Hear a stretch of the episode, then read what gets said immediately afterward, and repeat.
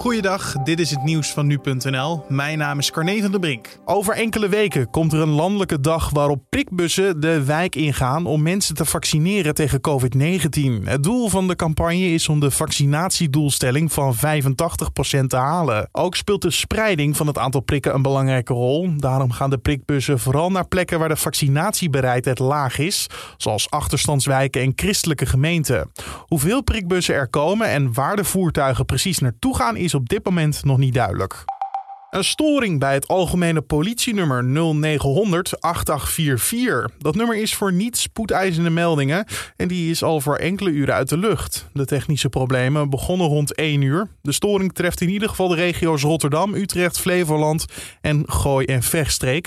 Het is nog niet duidelijk wat de storing heeft veroorzaakt en ook is niet bekend hoe lang het duurt om de problemen op te lossen.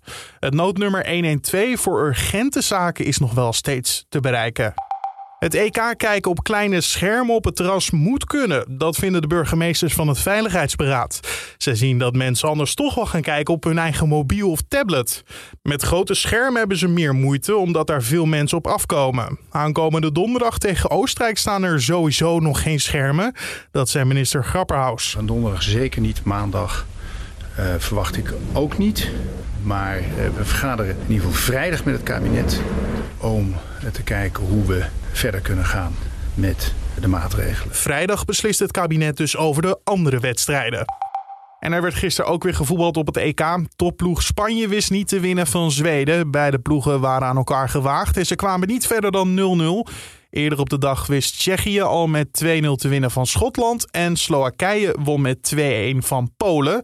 Vandaag zijn er twee wedstrijden. Dan neemt Portugal het op tegen Hongarije. En er is een kraker tussen Frankrijk en Duitsland. En tot zover de nieuwsupdate van nu.nl.